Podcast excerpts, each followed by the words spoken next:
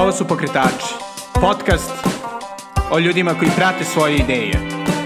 Ja sam Srđan Garčević. Dobrodošli.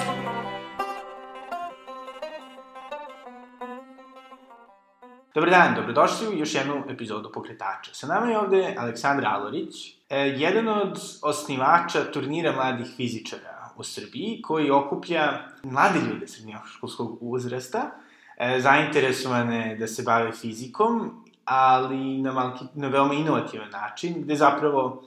ne rešavaju zadatke, već se bave eksperimentima i ne samo zapisuju svoje otkrića, već moraju da ih brane u malo širem forumu. E, hvala Bogu, ja ne moram da ulazim u detalje, jer je Aleksandra ovde, onda će to moći dosta bolje da objasni mene. Ali prvo i pre svega, Aleksandra, možeš li objasniti našim slušalcima kako je došlo do toga da se baviš turnirom mladih fizičara. Ok, hvala pre svega što si me pozvao i meni je baš drago što možemo da popričamo malo o turniru mladih fizičara. Dakle, ispostavlja se da prosto, da, ja sam jedan od uh, bivših takmičara i uživala sam u takmičenjima iz fizike u srednjoj školi, ali mi je tu uvek nešto falilo. I ja sam to rešavala tako što sam bila u istraživačkoj stanici Petnica, polaznik na programima fizike, gde sam kroz onda eksperiment i neko malo naučno istraživanje otkrivala da li ja zaista želim da se bavim fizikom. Znači, ja sam uđe vremenu rešila da je fizika u stvari nešto čime se ja bavim, tako da je nauka deo, deo moje svakodnevnice i bez ovog turnira mladih fizičara. Ali do ideje turnira mladih fizičara kao tog jednog drugačije koncepta takmičenja je došlo nas par u zajedničkoj nekoj prepisci i dogovorima, između ostalog tu su Vladimir Veljić, Jelena Pajović, Miroslav Bogdanović, Vladan Pavlović, Marko Kuzmanović, gde je u stvari ta originalna ekipa od šest ljudi, svi smo mi bivši takmičari i razmišljali o tome, čuli smo za to takmičenje koje postoji na internacionalnom nivou već 40 godina, i skontali smo da je taj koncept jako interesantan, zato što povezuje ono što zapravo fizika jeste mnogo bliže nego ovi zadaci koje se standardno radimo na standardnim takmičenjima. Dakle, morate, prvo, pre svega timsko je takmičenje, to je jako zabavno, dakle svi zajedno radimo, znači nema tog jedan na jedan svađe, borbe, ko će biti prvi, dakle mi radimo kao tim, s druge strane zadaci su poznati godinu dana napred, što je posebno zabavno zato što onda to znači da je sva moguća literatura, svi mogući pomagači su na raspolaganju, cilj je zapravo samo saznati što više o tom nekom fizičkom fenomenu koji je u igri. I ono što je onda dodatno zabavno je, kao što si rekao, dakle, ako vi kao tim, petočlani tim srednjoškolaca, radite timski na rešavanju tog problema, to je nešto što liči na ono kako naučna zajednica funkcioniše na nivou naučne grupe, gde naučna grupa istražuje neki fenomen. E, onaj moment gde vi se zaista takmičite je kada vi kao tim pokušavate da predstavite svoje rezultate nekom drugom timu koji je rešavao iste zadatke kao i vi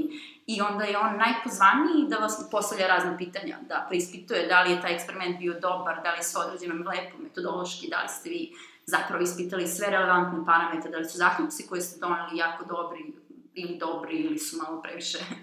uopšteni ili farfetched ili šta već, tako da onda bitno da postoji to jedno prispitivanje, ali prispitivanje koje dolazi iz kredibiliteta toga što ste i uradili taj isti eksperiment. Tako da mi smo se baš oduševili stvari konceptno takmičenje, koje je krenulo kao neko moskovsko takmičenje srednje škola pre 30 godina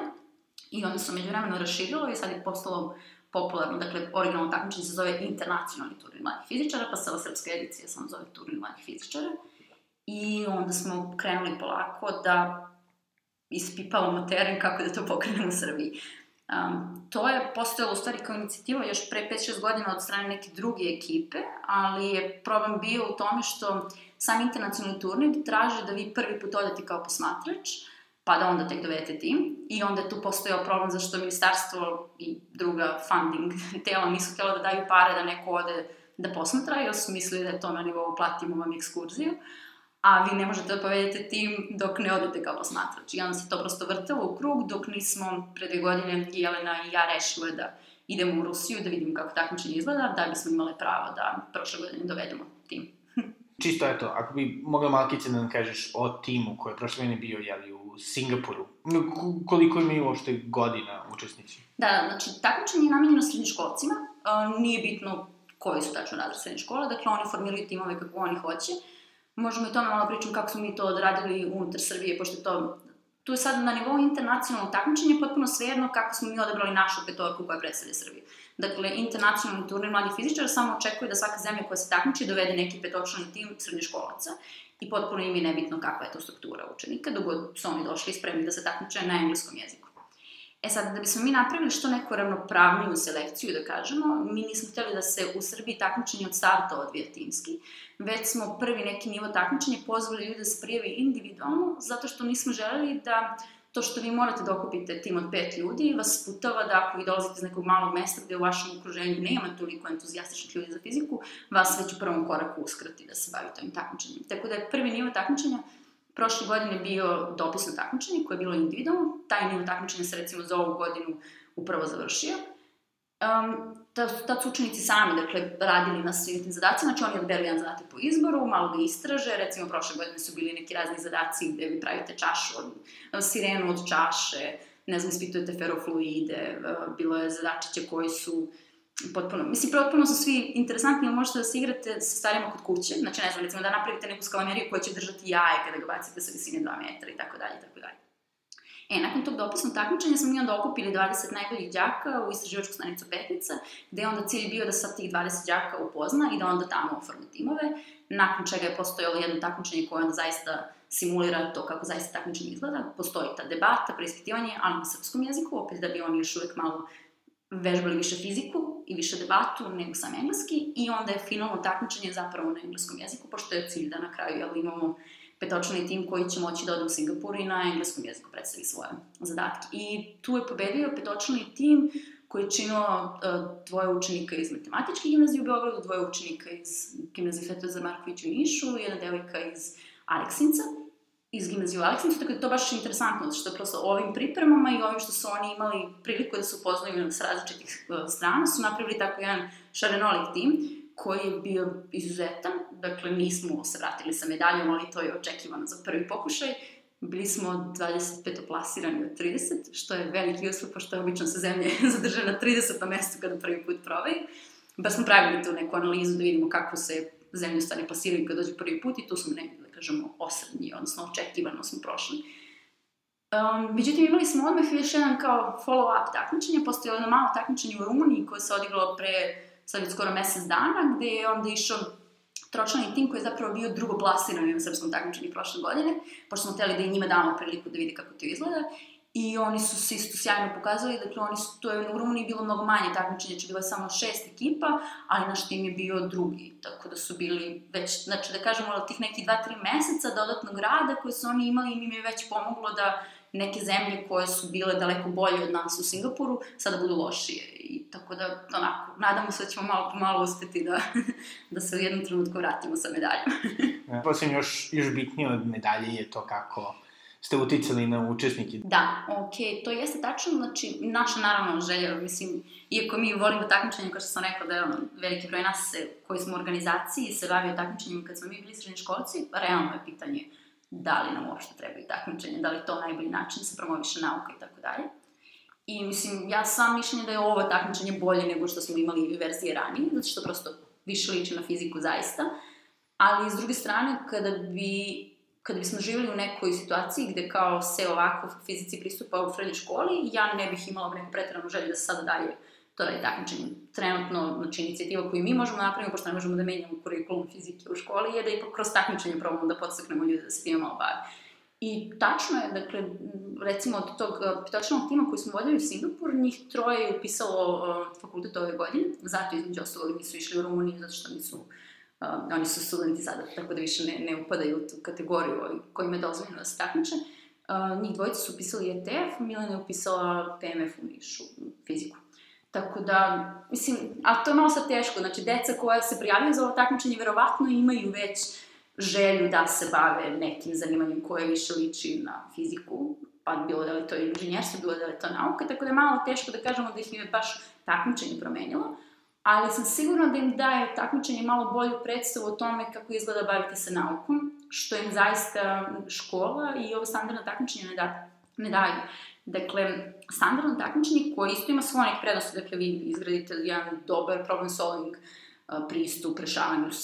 raznih problema koje se mogu baciti pred vas, ali im izgradite taj neki stav da svi problemi su jednoznačno i precizno definisani, imaju jednoznačno rešenje, do koga vi možete da dođete, treba da dođete u neka dva sata zatvoreni u prostoriju bez komunikacije. što nije realan skill koji će vam puno puta trebati u životu, pošto vi mnogo češće zapravo imate neki zadatak koji vam je, koji je dat pred vas, vam nije baš precizno definisan, pa postoji možda razni, postoje razna rešenja, vi realno uglavnom imate pristup literaturi, samo bitno da rešite taj problem, da nađete neki najbolji način da rešite taj problem i u stvari čak je bitno da probate da ocenite koliko je vaše rešenje dobro, u, u, u, koliko dobro odgovara problemu. Što su sve neki skillovi koje učenici mnogo više izgrade kroz ovaj tip takmičenja, sam kroz turnir mladih fizičara. Tako da, to je negde bila ideja. Mislim, svi nekako i dalje, čini mi se, kada im se pomene nauka ili bilo koja Pa u suštini, bilo, bilo šta što smo imali u školi kao predmet i dalje da postoji ona jasna ocena. Međutim, ti, kao neko ko se bavi fizikom kao istraživač, e, od, zapravo bi mogla, da verovatno našim slušalcima koji se time ne bave, otprilike objasniš koje su kao glavne razlike između studiranja fizike, onda naravno učenja fizike ne znam, u srednjoj osnovnoj školi i naravno bavljenja naukom. A pogotovo recimo u Srbiji. Da, to je interesantno pitanje i baš onako sada široko, sad ćemo da vidimo kako da mu pristupimo. Dakle, ideja glavna je da se mi prosto kroz obrazovni sistem najčešće naučimo da je nauka tako sva potpuno precizno definisani su problemi i precizno su definisani odgovori na te probleme, odnosno rešenje tih problema potpuno je sada nebitno da li je pitanje fizika ili biologija. Dakle, mi se samo naučimo, mi pristupimo nauci u, kroz naš obrazovni sistem kao da je to sve nešto završeno, zatvoreno. Ja vrlo često dobijam pitanja poput toga šta ti radiš, a vidite da nije to sve već otkriveno. što je, mislim, prosto naivno pitanje i zavrno pitanje, ali ono stvarno više oslikava naš obrazovni sistem nego znanje i shvatanje te osobe koja me to pita. I to je u stvari možda glavna razlika, dakle, u nauci vi nemate gotove probleme, dakle vi čak i formulišete problem i nema jasnog načina da kažete he, ovo je rešenje sad zatvorilo sve. Dakle, vi prosto postavljate neku hipotezu, onda pokušate da osmislite neki eksperiment kojim ćete da testirate tu hipotezu i onda se možda ispostavi da je ta vaša hipoteza tačna, ona je ne tačna, nego ne potvrđena samo u okviru tog eksperimenta, ali to je ne znači da neće se pojaviti neki novi eksperiment koji će možda opovrgnuti, insistirati da se ona malo napredi, promeni, adaptira na neke nove uslove i tako dalje. Tako da, prosto, ono što je možda suštinska razlika između nauke u školi i nauke u realnom svetu je što je prosto nauka jedan dugotrajni proces koji se ne završava, nego je prosto koji god da ste mali, problem će odabrali da se njime bavite, dakle uvek može još, uvek može da se dalje napređuje što smo onda negde, u stvari, što je baš interesantno kod ovih problemčića na turniru mladih fizičara, zato što su oni tako jako široko definisani, baš ostavljajući prostora da onda vi dodefinišete kako ćete da ga napadnete. Znači, ne, možda je najbolji da ono, prosto razmislimo, evo, jedan primer je, recimo, bavi se jedan zadatak ove godine su uh, baloni od sapunice, dakle, ono, koji su oni balončići koje svi pravimo kada smo klinci, dakle imamo neki prsten koji ubacimo u sapunicu i onda duvamo i napravimo balon I pitanje je koliko najviše balona može da se napravi od jednog sloja sapunice. Dakle, to sada, i to je to. To pitanje je sada, može da se ostavlja prostora za gomilu nekih dodatnih pitanja. Kakva je ta sapunica, odnosno kakav je tu odnos, šta stavljamo u vodu, sapun, da li dodajemo još nešto, koliki je taj prsten, čime mi u stvari izduvamo vazduh, koliki su baloni, da li su sad oni veliki baloni ili su nekih stotine manjih balona, kako to utiče na, na, na broj, odnosno na konačno neki odgovor i tako dalje i tako dalje. Tako da prosto svi ti problemi onda u stvari vas treniraju da shvatite u stvari kako neki naučno istraživanje zaista, kako neko naučno istraživanje zaista funkcioniše, zato što vas podstiče da kreirate gomilu novih pitanja i onda svaki eksperiment vas opet podstiče, aha, možda treba i ovaj parametar da promenim i tako dalje i tako dalje. Hmm. A čisto mi je baš zanimljivo, pošto ja sam završio sa fizikom na srednjoškolskom nivou i onda sam se prebacio u društvene nauke. E, kako si ti podnela tu razliku od toga, ono, veoma definisano kurikuluma koji mi imamo u srednjim školama, do te tranzicije ka ove, istraživačkom radu koji, koji si ti zapravo završila u Londonu, na King College-u? Da, um, pa da, dobro, ja bih rekla da je meni za, za to moje bavljanje naukom najviše kriva ili odgovorna istraživačka stanica Petnica. Zato što sam tamo kao srednji školac u stvari prvi put videla šta znači istraživanje. Dakle, kroz, kroz programe u istraživačkoj stanici Petnica vi baš radite nešto što opet sad podsjeća na ovaj pristup koji mi imamo u turniru mladih fizičara sa dodatnim dodatnim detaljem gde vi opet definišete i problem koji se bavite. Znači, to, vi slušate neka predavanja, tokom nekih seminara koje se tamo dešavaju tokom cele godine i onda se negde opredelite, aha, ja hoću da istražujem nešto u okviru ove oblasti.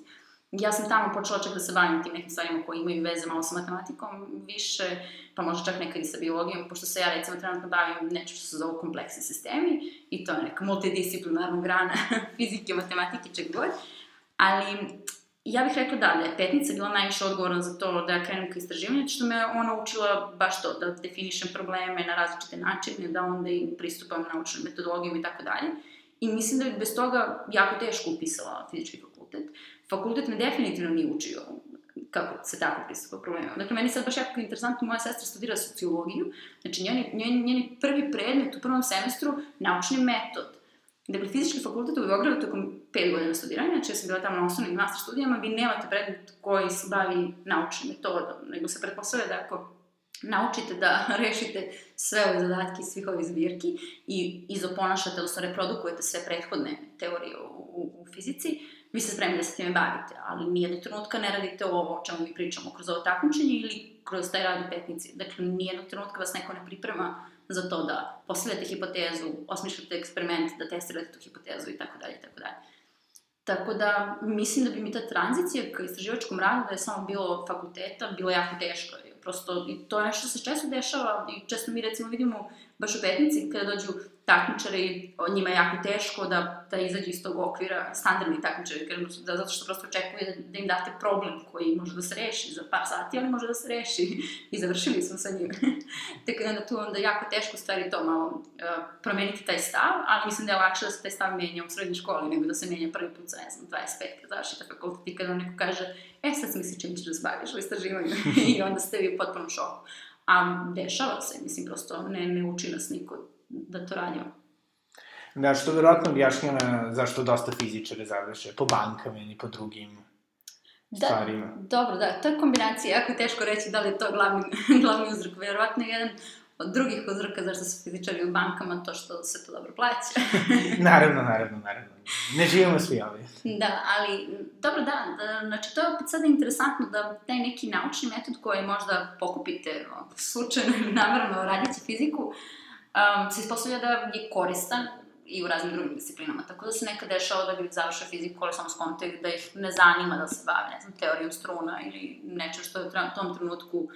popularno u naučnoj zajednici, nego kažu da hoće da rešavaju neke realne probleme. Mislim, ja se prilično nalazim u tom nekom procepu već neko vreme, već na poslednjih par godina, da prethodno sam, znači ja sam stvari na masteru slušala nešto što ima najviše veze sa tom fizikom visokih energija, znači nešto što najviše liči na teoriju struna ili kosmologiju ili šta već. A sam onda počela da malo divergiram, se skrećem ka tome da radim neke stvari koje možda ipak odgovaraju u rešavanju nekih prezemnih problema. Kažem, neki pro, nekih problema koje ono, su mi malo pipljiviji. Prosto zato što bih voljela da imam u glavi neku ideju, aha, kao ja sam ovo uradila što je izazvalo ovu neku promenu koja je saglediva, a ove stvari gde vi provedete 50 godina izračunavajući korekciju na neku teoriju koja se može ispostaviti netačna, su mi prosto bile malo scary, ali, ali imam dobre kolege koji se bave time i to je jako super. Mislim, treba nam da ljudi rade i fundamentalnu nauku, ali prosto mislim da je za, za tu ideju da skreneš ka banci odgo, ono, odgovoran niz razloga i jedan od njih definitivno može biti to da hoćeš da se baviš nečem što ima više veze sa realnim svetom. E, šta je ono najbolja stvar kod bavljenja naukom? Pa ja bih rekla da je ovo tebe, kreativnost, da. znači to da možeš da postavljaš sam svoj problem, odnosno problem koji te trenutno muči možda u tom okruženju, u čitajući, ne znam, čitajući o fizici danas, pa naletiš na nešto što ti je jako interesantno i misliš da ti tu možeš nešto da doprineseš. Mislim, sad, te oblasti kojima se ja bavim, ti kompleksni sistemi, to je prosto, uh, ispostavlja se da dosta fizike koju smo mi razvili pokušavajući da objasnimo neke makrofenomene u fizičkom svetu, misleći, na primjer, recimo, kako, kako dođe do oblaka, kako dođe do kondenzacije vode, ako mi razumemo kako molekuli vode interaguju, ispostavlja se da način na koji on, molekuli vode utiču jedan na drugi je jako bitan kada vi pokušavate da shvatite kako dođe do tako velikog fenomena, kao oblak, na primjer. I ta fizika i ta matematika iza toga se sada ispostavlja da je primenljivija mnogo van tih fizičkih fenomena, nego možete prijemeniti i to da objasnite kako, kako se ljudi ponašaju kada pokušavaju da izađu sa stadiona, kako se ptice e, kreću i formiraju jate i tako dalje. I sad ja radim takve neke stvari i meni je to interesantno zato što na taj način saznajem dosta o tim nekim drugim sistemima. Dakle, ja sam tradicionalno učila samo fiziku i to zašto je neki materijal magnetan ili nije magnetan, zašto, šta je temperatura ključanja, šta je, ne znam ja, koja je druga temperatura, A onda ovde u stvari mogu da vidim neke slične koncepte uh, koji su mi jako matematički slični, ali me nateraju da onda naučim nešto interesantno iz sveta biologije ili socionauka ili prosto mogu da se šetam kroz te stvari i mogu da postavljam neka pitanja koja me trenutno zanimaju. Tako da me recimo trenutno strašno nervira kako dolazi do širenja pogrešnih informacija po internetu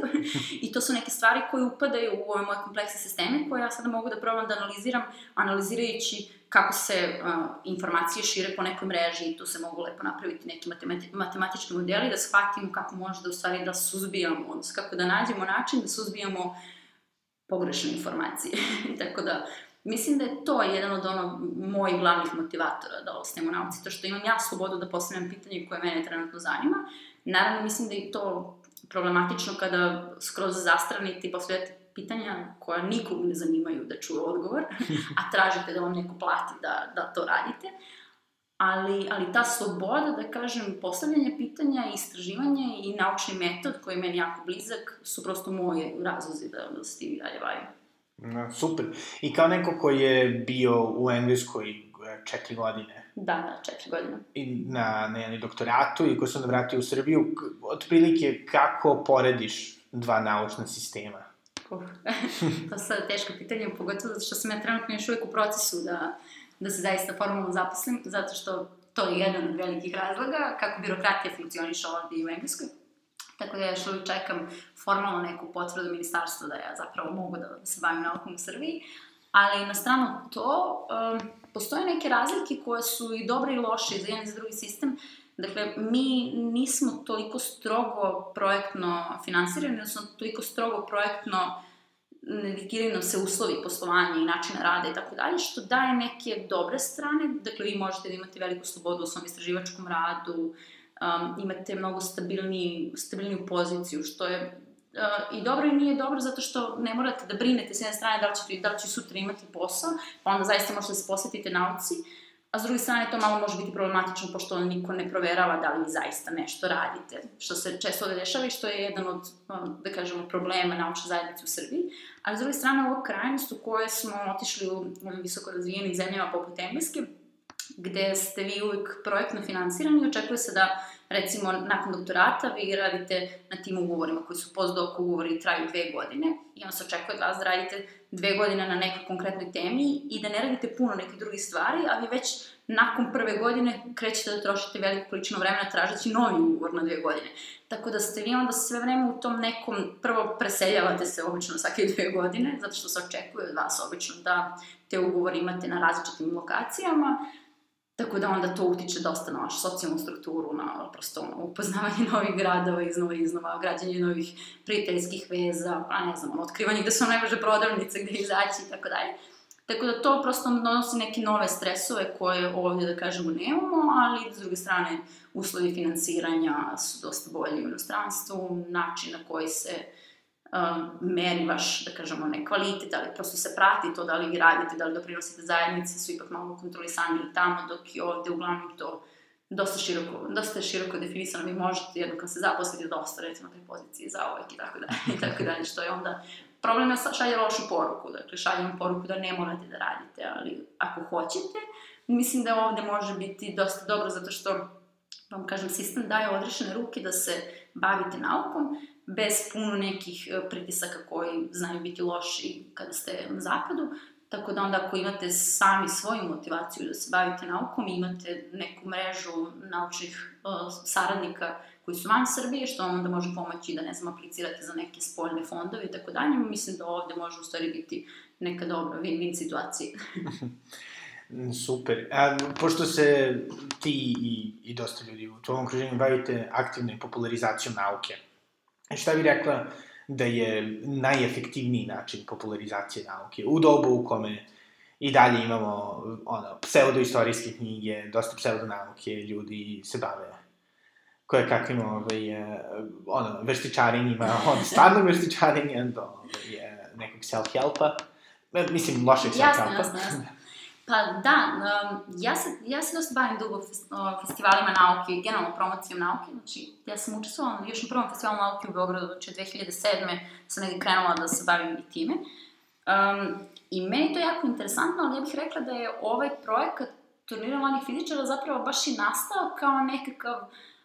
nekakva nadgradnja te ideje, zato što kroz festivale nauke vi promovišete fiziku ili neku drugu nauku ili šta već, na nekom možda naj,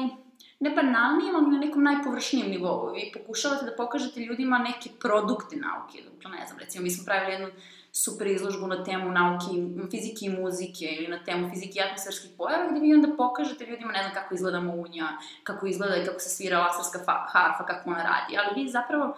na takve načine ne pokažete ljudima kako izgleda proces naučni, što je u stvari suštinska stvar, ja mislim, kod nauke koju treba što većem uh, procentu stanovništva ispričati baš da bi se borilo protiv, da baš da bi se stanovništvo borilo protiv tih pseudo stvari koje, su, koje nas okružuju. Zato što vi kada čujete nekoga ko vam objašnjava kako to što ste, ne znam, rak u horoskopu utiče ovako ili onako na vaš život i vaše odluke ili šta već, to što ste vi videli kako radi laserska harfa vam ne pomaže da se izborite sa time. Ali ako vas je neko naučio kako da preispitujete na te argumente, na primjer astrologa, ili kako da potražite na netu neke potvrde, neke, neke veće eksperimente da se proverava da li je astrologija nauka, da li je astrologija bilo kako prediktivna i tako dalje, to će vam mnogo više značiti u tim nekim um, dnevnim odlukama, gde je pritom astrologija možda najbanalniji primjer, uh, ako odemo ka alternativnoj medicini, to je daleko, daleko problematičnije, a to je negde bitno. Tako da meni, zato sam krenula da se krećem kao ovim stvarima koje više liče na zaista naučni metod poput turnira mladih fizičara koji sada ima drugi problem, znači on ima daleko manji domet, mi se bavimo samo srednjoškolcima, znači prošle godine smo organizovali niz radionica za njih da bi popularisali takmičenje i možda da smo došli do nekih 200 učenika direktno, sa njim smo pričali, ok, pripremali smo još dosta materijala koji su se pojavljivali online i tako dalje, ali vi imate daleko manji obuhvat, dok, ne znam, Festival nauke ima 20-30 hiljada posetilaca.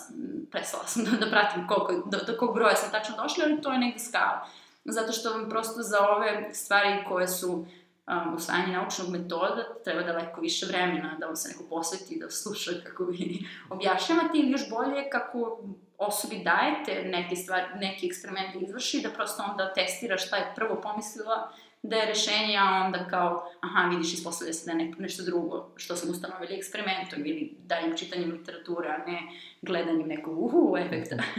znači, ovaj, nije dovoljno samo da lajkujete I fucking love science. da. Uključite mozak. Jeste, da. Mislim da u stvari uh, ono što je suštinska stvar ko, koju naučnici pokupe kroz svoje obrazovanje je to neko kritičko mišljenje kritičko čitanje nekih tekstova. I to je možda najbitniji skill koji bi bilo dobro da proširimo najširoj moguće populaciji, da, da, da najveći broj ljudi naučimo kako da preispituje stvari koje pročita u novinama, čuje na TV-u i tako dalje, jer to bi nam značilo onako, ne, ne samo u naučnom smislu i odbrani od, ne znam, alternativne medicine, nego u našem ono, svakodnevnom političkom, društvenom životu. Znači, prosto kako, kada pročitate neku vest u kojoj piše da je nešto novo, neka nova biljka lekovita i da će vam mogući da živite 30 godina duže, kako vi u stvari da proverite tu informaciju? Šta su metode, ne znam, tako što ćete otići na Google, sračovati da li zaista postoji taj rad, da proveriti da li je taj naučnik koji je citiran na tom tekstu zaista naučnik ili neko ko je onako nasumično sa ulice ima ubeđenje zato što je video jednu osobu da je bolje od toga i tako dalje i tako dalje. Tako da, da, nije to lak proces, ali ako bih ja birala jedan, jedan neki aspekt nauke koji treba proširiti definitivno svima, bilo da žele da se bave naukom ili ne, ja bih rekla da je to kritičko mišljenje kritičko čitanje teksta ili kritičko pristupanje stvarnosti. Ne, sad samo da se vratimo ovaj, e, možda malo ličnim temama, pošto baš me interesuje kada si odlučila da se baviš naukom, pa si onda otišla u Englesku, pa si se vratila, pa sad da baviš mislim, pretpostavljam, ne, ne izuzetno lukrativnim poslom širenje nauke u Srbiji. E, kako si, mislim, ono, kako su ljudi reagovali na to? U, u tvojoj, ono, sredini, ili bilo kao, da, da, da, okay. Don Quixote?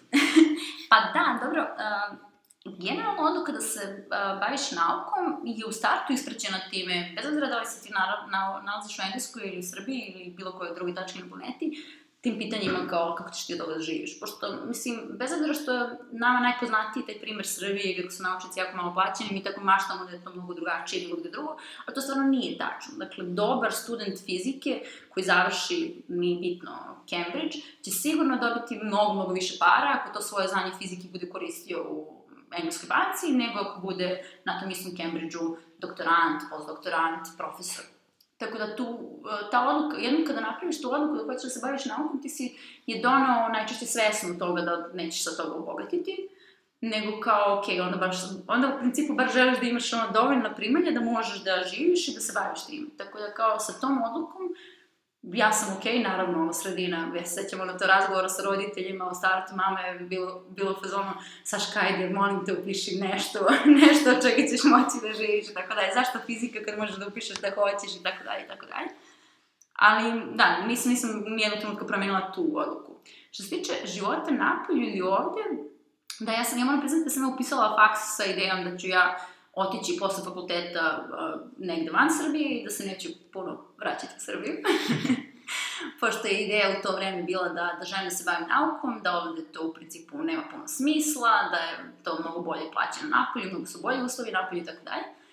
I onda me prosto život u Engleskoj naučio da cenim neke aspekte toga koje imam ovde. Naravno, postoje neke prednosti bavljanja naukom u inostranstvu i svakako moje kolege koji se bave eksperimentalnom naukom ne mogu da naprave tako lako odluku koju sam ja napravila. Dakle, ako želite se baviti naukom, eksperimentom, najčešće neće biti uporedivo ono što može Srbija da vam priušti i ono što može da vam priušti, ne znam, neka dobro opremljena laboratorija u Engleskoj. Međutim, ja sam teoretičar, meni trebaju papir i olovka i dobar kompjuter.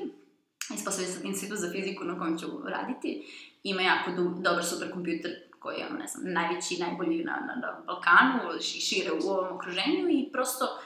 Dakle, imam pristup svim stvarima koje mi trebaju za rad.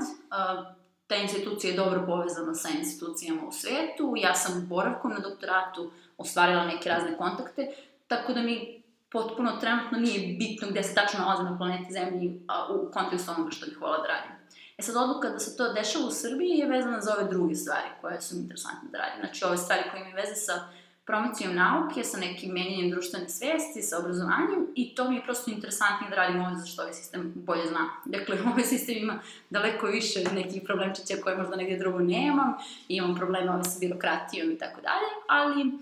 prosto bolje poznajem ovaj obrazovni sistem i zabavnije mi da menjam ovaj obrazovni sistem iz svest ljudi ovde nego u Engleskoj. Da. I sada još jedno pitanje koje je sada dosta diskutovano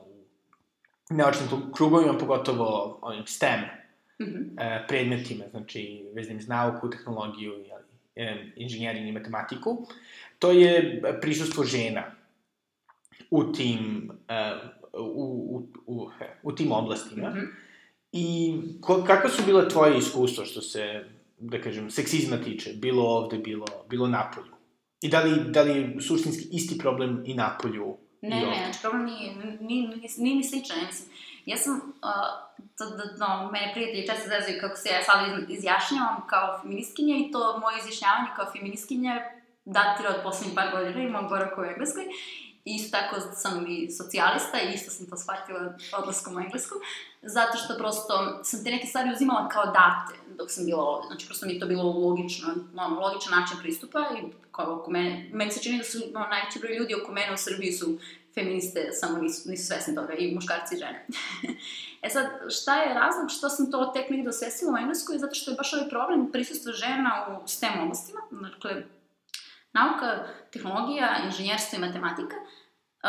jako, no, jako problematično, odnosno jako je veliki pad žena koje su na visokim pozicijama u ovim oblastima, u, na primjer, Engleskoj, sličan problem i u Americi, sličan problem deli još neke druge um, zapadne zemlje. A mislim da smo se mi od toga malo oporavili ili smo na boljem putu zbog socijalizma pre svega i na način kako smo se mi obhodili prema ženama i muškarcima nakon rata, da kažemo, u toj posleratnoj Jugoslaviji. Um, međutim, čini se da se to, nažalost, menja, da mi pokušavamo da skopiramo zapad i u tim nekim negativnim aspektima. Tako da, čisto da ono, imamo skalu problema, dakle, podaci u Engleskoj baš govore da broj devojčica koje se interesuju za neke od ovih STEM oblasti u nekom periodu srednje škole je manje više isti kao broj dečaka. Dakle, da kažem, u tom periodu je negde to 50-50.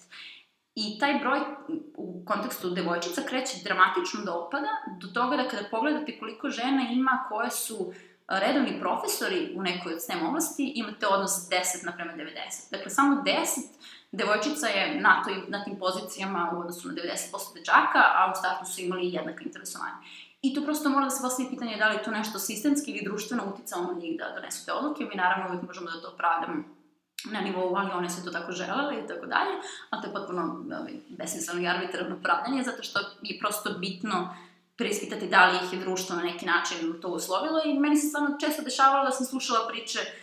velikog broja mojih studentkinja na, na Kingsu koje su im govorile da im okruženje jako često govori da ne treba da se bave matematikom, fizikom i tako dalje, da prosto su lepe, bolje da se bave ne znam nečim drugim i tako dalje, što su prosto problematične stvari, zato što Znači, ja, ja se ne sjećam da sam nikad tako nešto čula tako svog odrastanja, niti da je neki veliki broj mojih prijateljica imao nešto da se tim, sa time bori u Srbiji, tako da mislim da u tom smislu smo e, malo bolje, što opet analogni podaci, ovim kojima sam pričala u odnosu na Britaniju, govore kod nas ako gledate, sad ja sam imala pristup samo podacima na fakultetima uh, i gledala sam recimo broj žena koje su asistentkinje, docentkinje, vanredni profesori, redovni profesori i tu postoji takođe neki pad i postoji neka razlika, ali finalni odnos bude, na primjer, 40% žena naspram 60% muškaraca. Dakle, daleko, daleko manji pad u odnosu na taj pad koji vidimo u, na primjer, Engleskoj. Tako da rekla bih da je to ovde malo bolje, ali mislim da neke od tih stereotipa imate i ovde, da često i ovde neko kaže, što se baviš fizikom i tako dalje, kao to je posle za dečake ili, ne znam, mislim, ja sam bila u matematičkoj, koja je, to kao imala recimo da je odnos bio od nekih 30% žena a, na generaciji koja ima 100%, koja ima 100 ljudi. Um, ma, elektrotehnička škola koja je bila pored nas je imala, ne znam, 98% muškaraca. Tako da tu postoje definitivno i kod nas i stereotipi šta su muške škole, šta su ženske škole i tako dalje, ali mislim da nema toliko jakog sputavanja kao što očigledno postoji u tim nekim društvenim sistemima poput toga u Engleskoj. Hvala puno i čisto eto, Aleksandar, šta bi, bi, eh, šta bi bio tvoj savet mladima koji žele da se bave naukom? Uh, pa da, za, pa ja bih im rekla da, da se prosto ono, interesuju dalje za nauku, ali mislim da nam uvek treba više ljudi koje nauka interesuje, koji nauku i naučni metod razumiju i primenjuju ga, bilo da ga primenjuju zaista u nekim naučno obrazovnim institucijama ili van toga. Mislim, ono što je, jeste malo mračno, nema veze sada sa Srbijom, nego ima veze sa, sa širim svetom i da sa, sve veći veći broj ljudi kreće, na primer, na doktorske studije i taj broj ljudi možda u startu misli da će oni svi ostati u naučno-obrazovnim institucijama i postati da li redovni profesor ili živjeti, raditi na, na naučnim institutima, ali to prosto nije tačno. Dakle, da, da ovaj veliki skok u broju doktoranata nije ispraćen skokom u tim drugim pozicijama naknadno, tako da tu postoji ono, veliko razočaranje, razočaranje koje, sa kojima se susreću svi doktoranti u nekom trenutku tokom svojih doktorskih studija kada shvataju da nema za njih mesta u nauci. Tako da treba tu biti svesni tog problema. Dakle, mislim da definitivno svi treba koji žele da, imaju neko naučno obrazovanje, da se bave naukom, da čitaju nauci, da se igraju nauke. Znači, to pokušavamo mi kroz ove stačice, kroz ove promocije ovih eksperimenta koje možete raditi kod kuće, mi pokušavamo da promovišemo i u svakodnevnim kućnim stvarima. Ali, ali treba biti tu i svesno toga da treba pogledati kako stvari zaista naučna zajednica funkcioniše i kako tu i takođe postoje neki problemi. Tako da treba prosto biti svesni toga da nećete tom odlukom da upišete fizički fakultet, na primer, ne možete svi da se nadate tome da ćete posle jednog dana redovni profesor na tom fizičkom fakultetu. Ali mislim da neko naučno obrazovanje vam je nešto što može prosto pomoći u čemu god da se bavite nakon tog fakulteta. Hvala puno i ajmo sada čisto tehnički ovaj, vezano za, za turnir mladih fizičara. Mm -hmm. Kako je moguće učestvovati ako ste zainteresovani ili na neki način pomoći Pošto pretpostavljam da, da možda treba nekada fondova, možda. možda, možda. Da, ovaj, dakle, turnir novih fizičara, kao što smo rekli na početku, je namenjen srednjoškolcima, tako da, recimo, ovogodišnji taj ciklus, ovo prvo takmičenje koje smo pominjali, dopisano karaktera koje je individualno, je počelo 1. augusta i trajalo do 31. oktobra. I svi srednjoškolci su mogli da odaberu jedan od 17 zadataka koji su bili objavljeni na sajtu, reše i predvidu. Oni su sada u fazi čitanja i a, bit će odabrano opet ovih 20 najboljih učenika koji će doći u istraživačku stanicu Petnica i onda slede dalje. Znači, možete prosto pratiti naš, našu Facebook stranicu gde se pojavljaju sve te informacije. Ove godine će, na primer, to kvalifikacijno takmičenje gde se prvi put simulira borba, odnosno ta debata između različitih timova, a, biti javna, tako da svi zainteresovani mogu da dođu i da vide kako u stvari izgleda to naučno debatovanje tih fizičkih problema. U petnici. Ne, da, to će biti kvalifikacijno takmičenje koje će biti u februaru i dešava će se verovatno u Beogradu još uvijek pregovaramo sa lokacijama, da li će to biti institut za fiziku ili će biti fizički fakultet ili će biti neka druga, um, neki drugi veći prostor, to je još uvijek otvoreno. Ovo, pripreme u petnici su samo prosto namenjene tom broju 20 najboljih učenika koji će se onda pripremati za te sledeće nivoje takmičenja. I dobro, ove godine, odnosno to je sada već naredne kalendarske godine, 2018. internacionalno takmičenje se održava u Kini, u Pekingu, tako da smo polako krećemo u prikupljanje fondova za, za to takmičenje, tako da svi zainteresovani financijeri mogu da nam se jave. Prošle godine, stvari možda to ono, jedno od totalno blesavih iskustava Dakle, mene zanima nauka i obrazovanje, ali nikad nisam razmišljala o fundraisingu kao profesiji. Tako sam se prošle godine, da bismo otišli u Singapur, da, da besasti time bavila i to je bilo potpuno jedno interesantno iskustvo. Znači, potrebno je poslati stotine i stotine mailova da bi vam možda desetine ljudi odgovorilo kako radite jako lepu stvar, ali ne u pare, ali onda jedan mali broj ljudi kaže, e, to što radite super i mi imamo nešto malo para koje smo spremni da vam damo I to je bilo baš super što smo eto prosto našli neke ljude koji su prepoznali taj naš entuzijazam i pomogli nam da odemo u Singapur. Tako da se nadamo da ćemo uspeti nekako i ove godine da ono, ubedimo ili državu da nam pomogne ili ako ništa drugo ove neke spoljne financijere. Hvala puno Aleksandra. Hvala tebi na pozivu, baš bilo super ovo časkanje. Nadam se, nadam se da si uživala makar koliko ja. Ovaj, sad sam zažalio zato što sam ostavio divne vode fizike i bacio se veoma egzaktnoj nauci ekonomiji. Tako, tako, ekonomija je potpuno zabavna i fizičarima. e, apsolutno, svima. E, hvala i vama što ste nas slušali. Ako vam se svidela ova epizoda, slobodno kliknite like, još bolje kliknite share, a najbolje, kao što bi se Aleksandar sigurno složila, donirajte. Tako da, ako želite da podržite pokretači podcast, ima puno, puno načina. Hvala, doviđenja. Ćao.